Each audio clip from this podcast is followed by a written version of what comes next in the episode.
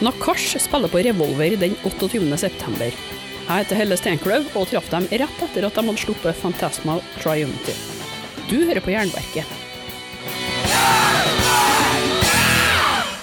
Men før vi kjører intervju, har jeg en beskjed til deg. For at Jernverket skal overleve som podkast, så trengs det midler. Dagligvarekjeder og mobiloperatører er ikke spesielt interessert i heavy, men det er forhåpentligvis du. Jeg har vært frekk nok til å opprette ei Patrion-side og en vips konto Så hvis du vil bidra med noen slanter for å holde jernverket flytende, hadde jeg satt enormt stor pris på det. Du kan eh, donere via jernverkesida på patrion.com, det skrives patron.com, skråstrek jernverket, eller via vips nummer 567438. All informasjon står nederst i episodebeskrivelser, med ei lenke som fører jeg rett til kassen. Igjen, tusen takk for alle bidragene, jeg klarer ikke dette uten deg.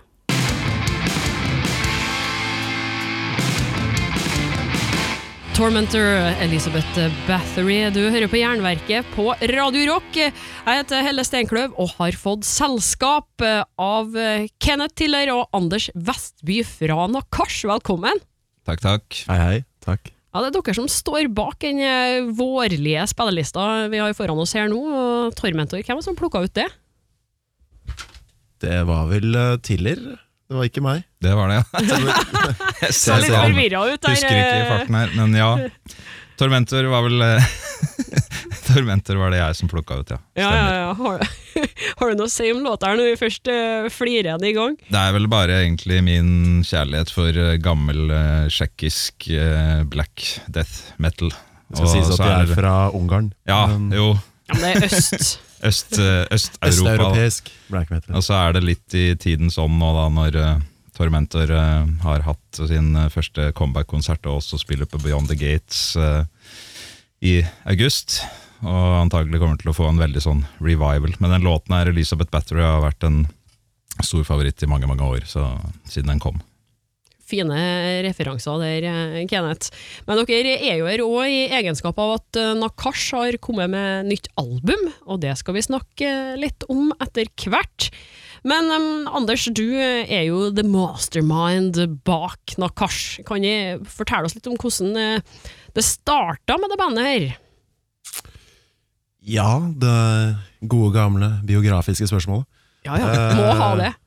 Når kanskje startet, det var sånn cirka eh, 2011.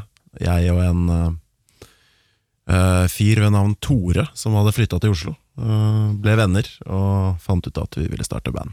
Vi hadde jo mye felles referanser i musikken og slikt. Uh, det tok jo litt tid før noe egentlig skjedde. da Vi begynte litt med å lage låter, men hadde jo ikke trommis. Og året etterpå, 2012, så flyttet eh, godeste Tore tilbake til sin heimstad på Vestlandet. Så da var det bare meg, og jeg prøvde å spille litt med en gammel eh, kompis på trommer. Det funket ikke helt. Og så var det vel Tiller som eh, tilbød seg sine drummer services.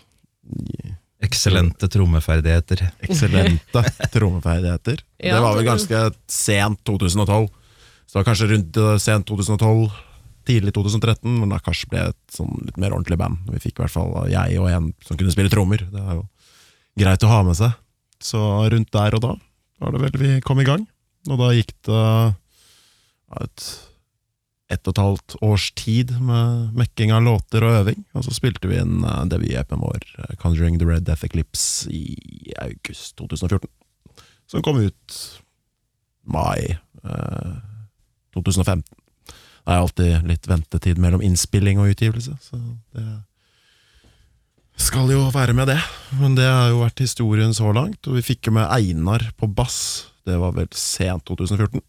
Og gjorde vår første gig eh, på Kraterfestivalen i 2015. Og i mellomtiden så har vi da jobbet fram til denne fullengderen vi nå gir ut, eller har jo blitt gitt ut. Det er bra du har oversikt på måneder og datoer, for det der hadde jeg ikke huska det hele tatt. Nei, Normalt så er det ingen som har sånn eh, stålpeiling som dere. Så Jeg har ekstremt øh, kontroll på år og datoer og måneder når ting skjedde. Ikke bare mitt eget liv, men Tydeligvis. gjerne knyttet til musikk. Det er, det er en sånn special talent. så Kanskje ikke sånn som kommer så godt med, egentlig, men det er greit å ha. Ja, men da jeg, Når kom Rotting Christ ut med The Hills of eh, Crucifixion, da? Det var vel uh, 1991, jeg. kanskje Nå, nå så Hovmod står til fall. Nå ble jeg plutselig, det er eh, fra før første skiva deres, som kom i 93. Det må, jeg tror jo det er være, 91. Jeg det må synes- jo være gammelt, for ellers Her må, hadde du vi, tatt det med, her må vi Kenneth. klippe, tror jeg. For det, Nei, nei, nei, nei, nei, nei, nei. Ikke noe klipping her. Konklusjonen er det må være 1989. gammelt, ellers så hadde du ikke plukka det. 1989. Det var kanskje 1989. vi- var ikke vi- de vi- fremdeles et grindcore-band på den tiden? da? De startet Nei, det var i med 1987. Ja, ok. Der ser du. Du, Han har vi, jo vi, vi spiller låta, og så gir vi fasiten etterpå, tror du ikke? Det høres bra ut. Ja. Ifølge Kenneth Tiller eh, fra Nakash eh, er Rotting Christ sin demo Satanas Tedeum fra 1989 en av eh, verdens beste demoer. Vi hørte The Hills of Crucifixion her på Jernverket og Radio Rock. Og Nakash er sammen med, med meg her i studio, representert av nettopp Kenneth Tiller og Anders Vestby. Og vi fikk jo svaret på quizen der. Det var 89 en kom ut, Anders, og ikke 91. The shame. Ja, det, det er bare å gå hjem og skjemmes, altså. Men eh, vi kan jo, før vi avslører den nye plata deres og spiller en låt derifra, så må vi snakke litt om hva denne plata handler om. Hva har eh, skrevet om nå, Anders? Spørsmålet Spørsmål jeg elsker. Ja, ikke sant? Elsker å stille det òg, for at du får alltid så eh, interessante svar. Hva skal jeg si? Eksistensens mørke sider. På det filosofiske plan. For å høres ekstra pretensiøs ut. Det er vel bare en videreføring av tematikken på eh, EP-en, egentlig. Mye abstrakte temaer som prøves å settes til musikken. Det er ikke sånn eh, noen historier i den forstand, men mer en, en stemning da, som passer musikken. For de som eh, bryr seg om å lese tekster. Det er jo ikke alle, men jeg har alltid er, gir en sånn ekstra dimensjon når man lever seg inn i musikken, akkurat som et platecover, om tekstene passer til det og bidrar til den stemningen musikken uh, skaper. Men klarer du sjøl å, å sette deg i den stemninga når du skriver tekstene? For ofte tenker jeg at det kan nesten være litt sånn eh, flaut å se seg sjøl fra utsida og lese det man sjøl har skrevet, uansett hvor bra det er, eller klarer du liksom å heve deg bort og over fra det? Det er definitivt et øyeblikk hvor man blir litt sånn um, brydd Ikke fordi man syns det er dårlig, men det er litt den der uh, selv uh, utleveringen, jeg kanskje kan kalle det det, da, men litt uh, selvkritikk, da, som er med alt. Litt mer på tekstene enn musikken, for når man bruker ord, så blir det litt mer uh, blir det personlig på en måte, da. Som musikken også er, men jeg kan liksom har ikke den samme bryddheten nødvendigvis med, med musikken som med tekstene, selv om man er selvkritisk. Men jeg står jo for det, så det er jo ikke noe jeg Ellers så hadde jeg ikke printet det i bukletten hvis jeg ikke mente det Det passet seg. Hvilket forhold har eh, du til tekstskriving? da? Kenneth, har du noe erfaring med det? Du har jo eh, vært mest trommis eh, opp gjennom årene, og du er det i Nakash òg. Jeg er nok eh, bare trommis.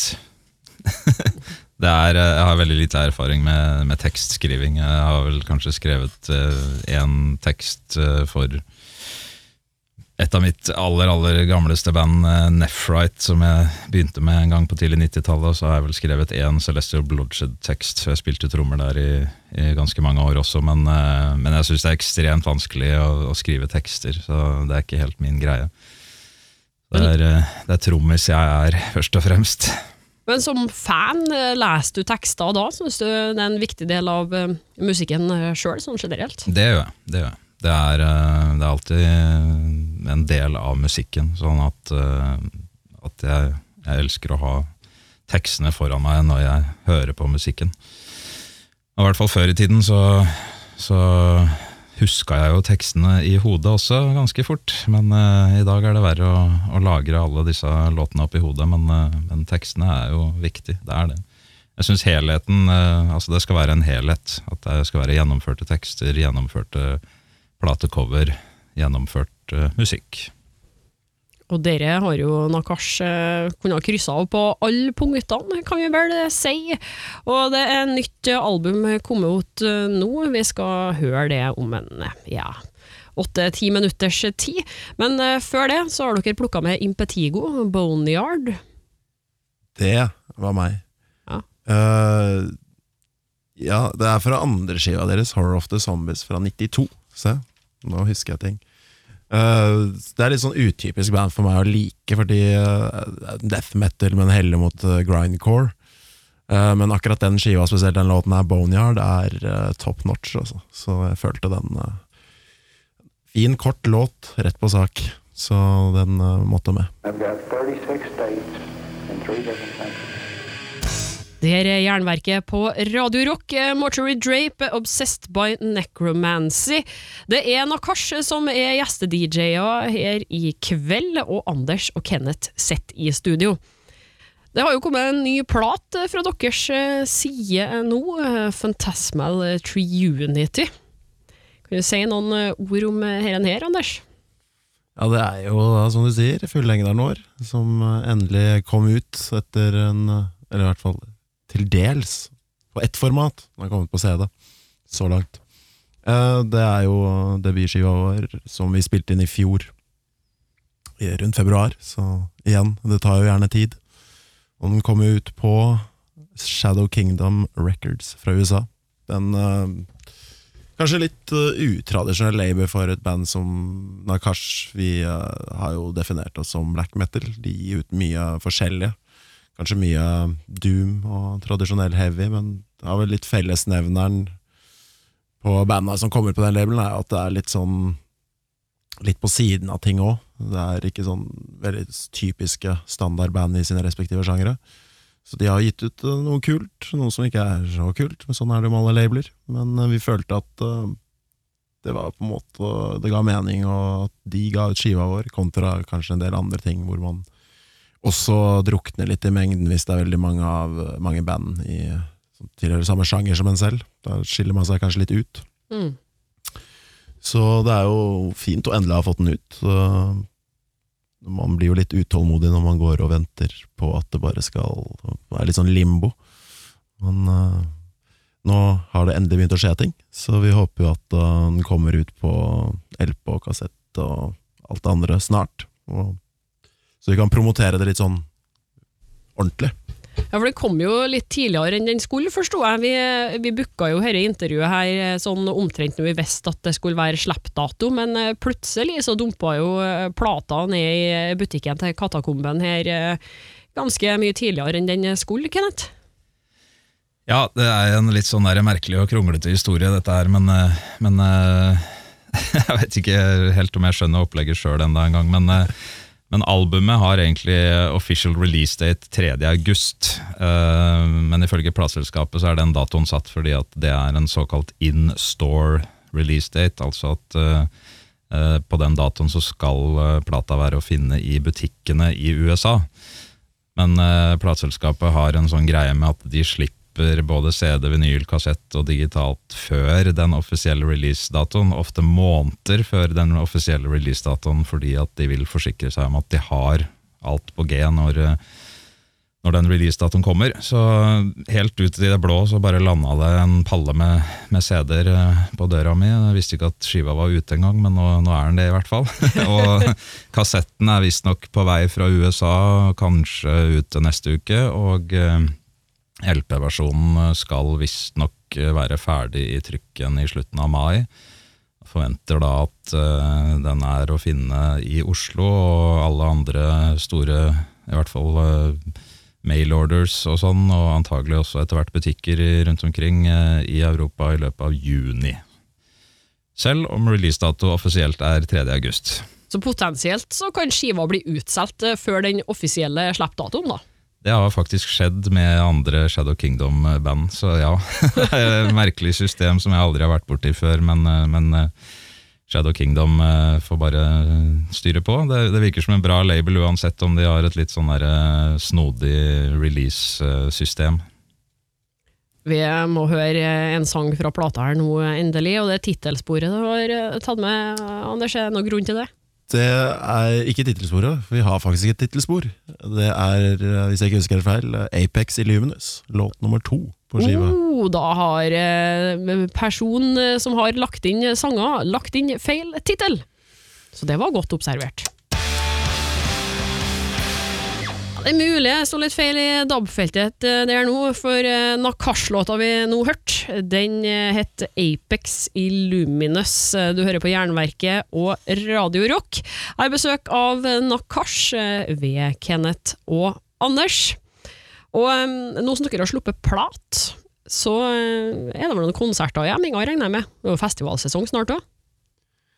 Ja, masse, masse. Nei, vi har veldig lite eh, konserter på agendaen. Eh, vi spilte jo forrige helg med Tussmørke på blå. En litt eh, odd kombo for noen, sikkert, men det funket bra, det, syns jeg. Og så har vi en konsert i Praha i slutten av juni. 24. juni, for å være eksakt. Det er vel i grunnen eh, den siste tiden og tiden framovers eneste, eneste konsert som gjenstår, um, som vi har eh, satt opp. Det har vært noe litt løs snakk om å spille i Göteborg igjen, men uh, hvordan det ligger an, vet jeg ikke. Så jeg tror ikke det er noe sånn umiddelbart som uh, skjer. Vi får se. Det vil i så fall uh, reklameres for på Facebook i år og sånt. da. Men til tross for skive så har vi ikke lagt opp et veldig tett eh, konsertskjema, så vi har vel ikke akkurat promotert oss selv så mye overfor promotører, og vi er jo forholdsvis obskurt band eh, per nå, så vi får nå se hva som skjer når skiva har vært ute en stund og kanskje blitt promotert litt mer. Og LP-en og sånt har kommet. Det er jo det som er det formatet de fleste gjerne vil ha.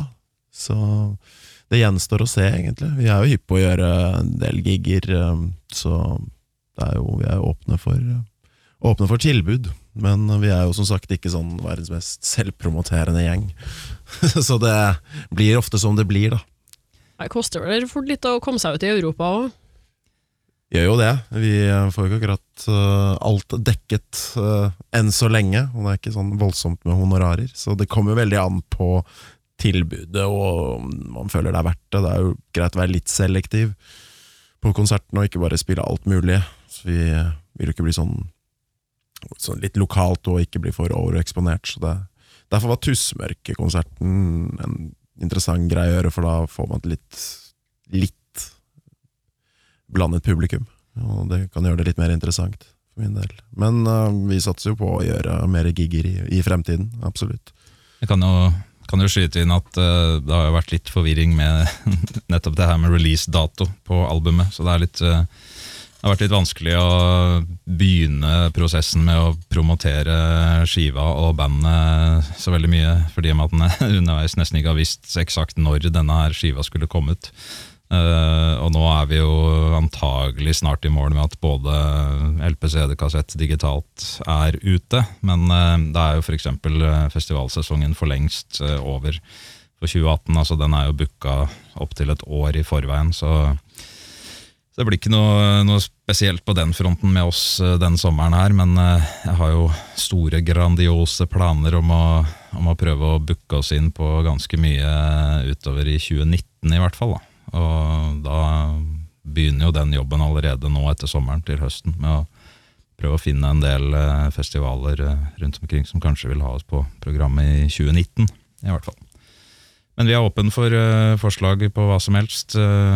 Eh, Bortsett fra at vi er litt selektive, som du nettopp sa, eh, Anders. Eh, og så er vi mm, selvfølgelig eh, Så er det ikke sånn at vi kommer til å vente til 2019. Vi kommer sikkert til å spille konserter utover, men akkurat nå så har vi kun én konsert planlagt, som nevnt, og det er i Praha i slutten av juni. Satt på de blir litt eh, frista nå, da, bookerne, når de hører at dere sitter og byr dere frem her. Får håpe det. Spørs om det er like deilig som den musikken de har med, da. Solitude Aternus og Final Sin. Har du lyst til å si noe om den før jeg kjører i gang? Ja, det er jo solid episk doom fra USA. Fra andre skiva deres, Beyond the Crimson Horizon. Kan vel kalle dem USAs Candlemass. Ikke rent tilfeldig så var jo faktisk vokalisten deres en periode vokalisten i Candlemass etter at Messiah Mark Holin ga seg. Så det ligger jo i det landet. Og det er band som folk burde sjekke ut hvis de ikke har gjort det ennå, og de liker um, Episk Doom. Skjønt hvis folk liker Episk Doom, så har de sikkert sjekket ut. For ellers så hadde det vært eh, veldig rart. Men hvis ikke, burde de det. Må begynne en plass, vet du.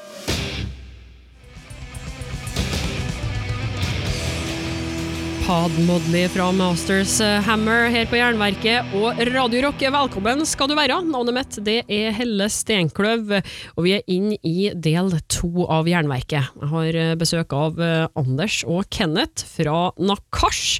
De er ute med ny plat akkurat nå. Du kan sjekke ut spillelista på Facebook-sidene til Jernverket sånn i tolvtida, så ser du hva vi har spilt tidligere. Men Masters Hammer har dere jo blitt sammenligna en del eh, med opp igjennom, eh, Kenneth. Ja, det, det er kanskje en av de første sånne eh, preferansene som skal vi si, journalister eller folk som har omtalt en Akash, sammenligna oss med. Da. Det var Masters Hammer. Jeg vet ikke om vi høres så veldig Masters Hammer ut egentlig, men, men det er kanskje mye av tingene i musikken som er litt, eh, litt likt. Det er, ja, altså jeg er enig i at vi ikke kanskje høres ut som Master Sammer, men uh, inspirert av, for min del, ja. Så det er, er det noe i, i en del av riffene i, i Nakash som har uh, i hvert fall elementer da, av litt sånn som Master Hammer uh, sine låter. Gitarriff var konstruert, er det fremdeles. Jeg har ikke hørt så mye av det nye de har gitt ut, men Ritual-skiva og skiva etter er blant mine favoritter, så de har nok inspirert meg sånn ubevisst uansett. Og jeg tror det er mer enn eh, Jeg brukte Master Sammer som en referanse når jeg skulle beskrive til folk, ikke så mye igjen, fordi jeg mener vi høres så mye ut som den direkte, men uh, det du gjorde det, ja. så det er din skyld. mer, mer for å si at uh, kanskje det at vi ikke kjører den veldig norske typen black metal. Da. Jeg føler det ligger litt nærmere eksempel Masters Hammer på en måte, hvordan låten er konstruert og arrangert. Selv om vi på ingen måte har prøvd å kopiere det. Det er jo en forskjell på å la seg inspirere og, og, og kopiere. Men definitivt en stor inspirasjonskilde for min del. Og, uh, så det dukker nok opp der, og det er jo noen andre som har plukket opp på det, så det ligger nok et eller annet Det er element da, inni der som kan sammenlignes litt. Det. Men det er vanskelig å være litt sånn objektiv med sin egen musikk og høre ting på den måten. For man får et helt annet forhold til det enn en som bare hører på det for første gang og får en helt annen assosiasjon og få andre referanser i det vedkommende hører, enn det vi som har laget det og sitter og øver på det over lang tid, da, flere år. Så det er alltid interessant å få tilbakemelding fra folk, litt hva de hører, som kan være litt sånn oi, jøss. Jeg tror det merkeligste jeg har fått, var vel etter vi hadde spilt i Berlin i forrige fjor, da jeg mente vi var litt som noe Black Sabbath blandet med Morbid Angel. Eh, jeg elsker gammel Black Sabbath og Morbid Angel, men uh, det var litt sånn hæ? Ikke at det er en krise, men det var litt sånn, jeg vet ikke helt hva de hørte. Men der ser du. Folk kan få helt merkeligste assosiasjoner til andre artister enn det man selv hører. da. Mm. Med en gang man eh, skiller seg litt ut, så sliter man kanskje med å finne noe som er helt likt, og da må man finne noe annet som er litt annerledes, for å kunne forklare at det her må du høre på. Det ligger nok noe i det, da, og det har, det har jo vært litt bevisst. Da. Altså, jeg prøver jo å lage låter som jeg genuint syns kan være bra, men det er jo prøve å ikke høres ut som 100 andre band. Det er jo definitivt motivasjon, og noe jeg personlig eh, prøver på når jeg lager musikk. da Og være litt kritisk til mitt eget, og ikke bare si 'ja, det var bra nok', eller, eller prøve å høres ut som et annet spesifikt band, eller som veldig mange andre band i en sjanger. Ha litt egen identitet. Det er jo noe som var veldig vanlig før, hvis du går tilbake til tidlig 90-tallet eller på 80-tallet. Du hadde Hvis du tar thrash metal med de fire store, da, de høres jo forskjellig ut fra hverandre. Du hører at det er forskjellige band, selv om de spiller eh, tilhører samme sjanger, eller på et eller annet tidspunkt gjorde det. Og Det var også litt sånn med black metal og death metal. Mye av de store banda som har inspirert meg, hørtes jo forskjellig ut fra hverandre. Men så fikk du kanskje større og flere og flere band som ikke prøvde å være så original. De bare ja, hvis det høres ut som det, så er det bra, for det er det vi vil. Så det er selvfølgelig opp til enhver å lage den musikken man er hypp på, men eh, det blir litt kjedelig hvis man får veldig mange identiske band, og det eksisterer jo veldig mange slike der ute. Det gjør det. Absolutt. Vi skal høre et band eh, Kenneth har vært involvert i sjøl for en del eh, år tilbake. Vi skal snakke mer om Celestial Bloodshed og Gospel of Hate etterpå.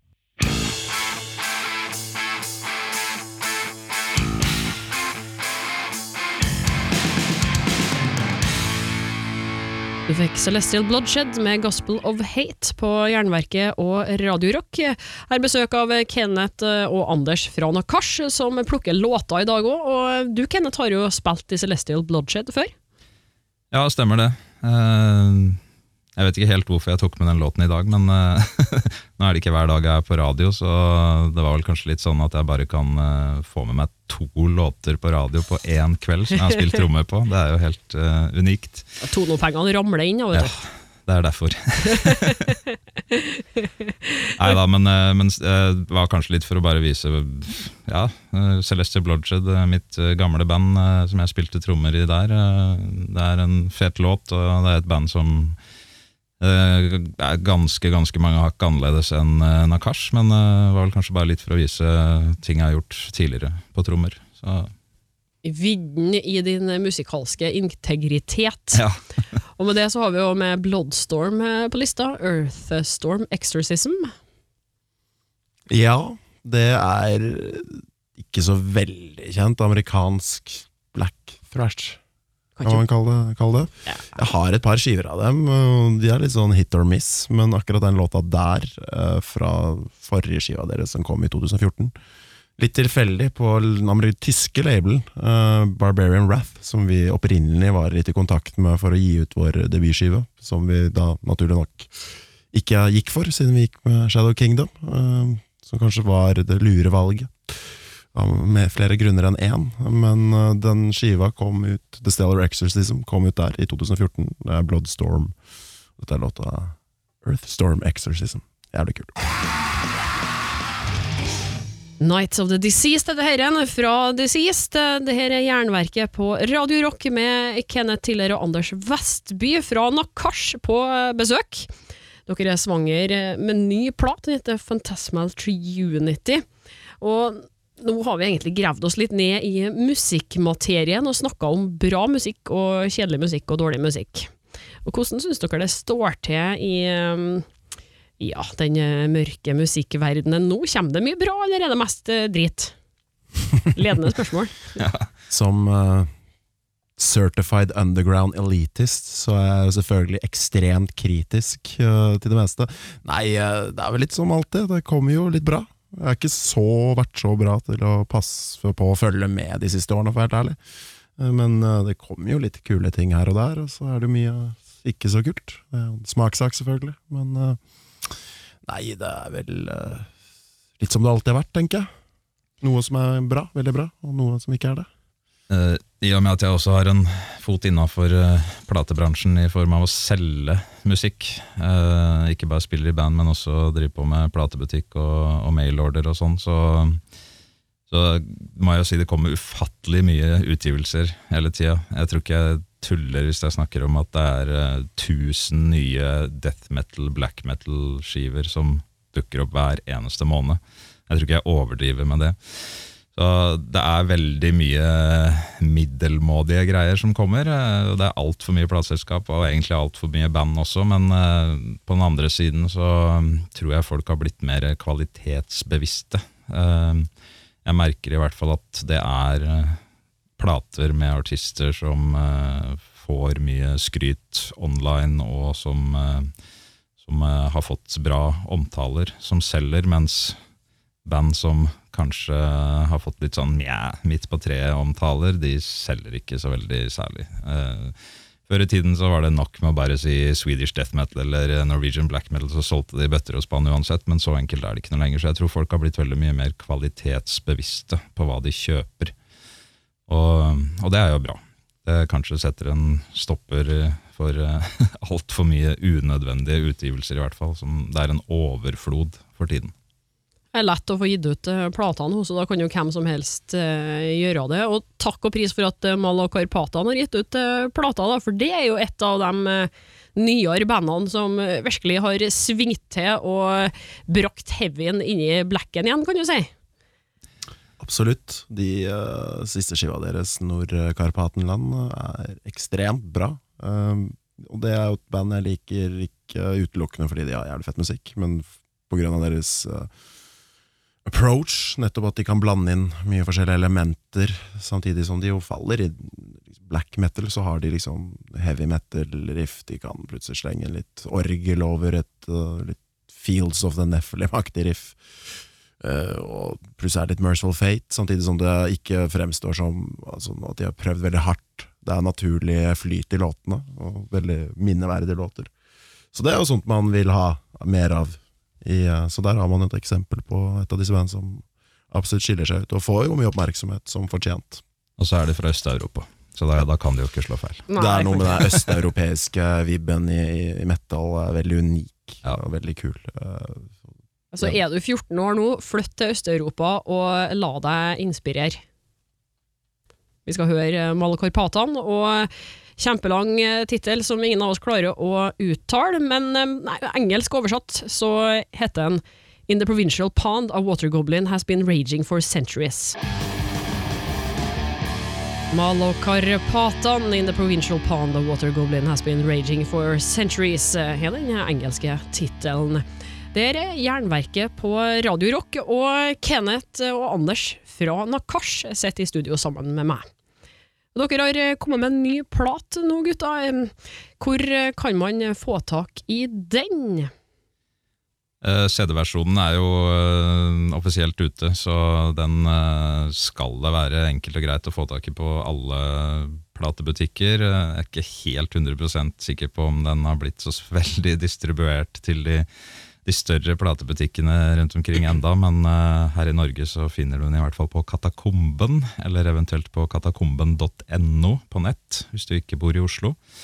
Uh, og uh, der vil også kassettversjonen være å få tak i ganske snart. Uh, men som sagt, gå mas på din lokale platebutikk og si at de skal bestille plata, for den er tilgjengelig på CD.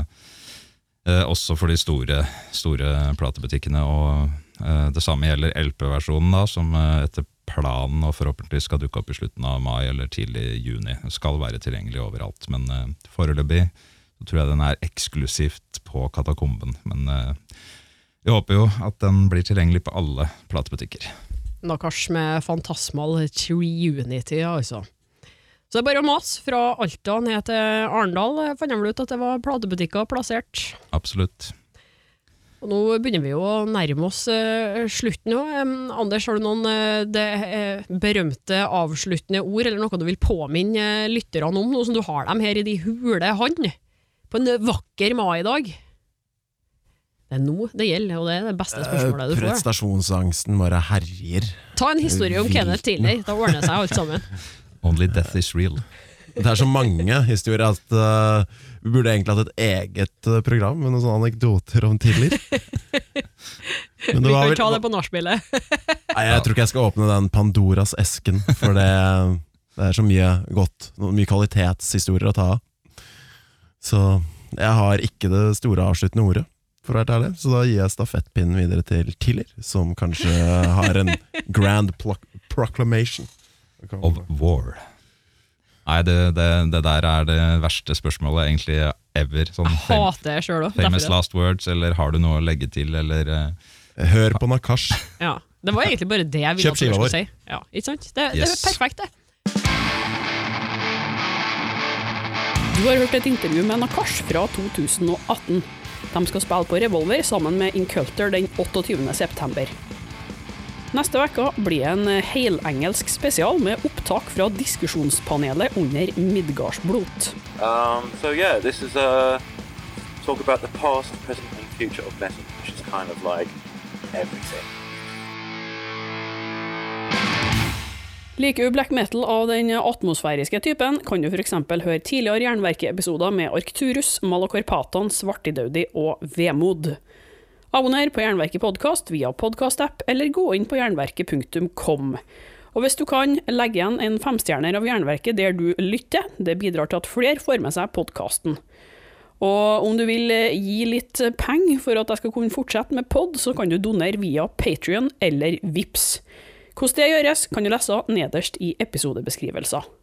Og husk på å følge Jernverket på Instagram og Facebook for månedens album fra Katakomben, diskusjoner, konkurranser, nyheter. Hele Steinkløv, det er meg. Jeg gir deg et nytt eller gammelt hardrockintervju hver fredag. Tusen takk for at du hører på.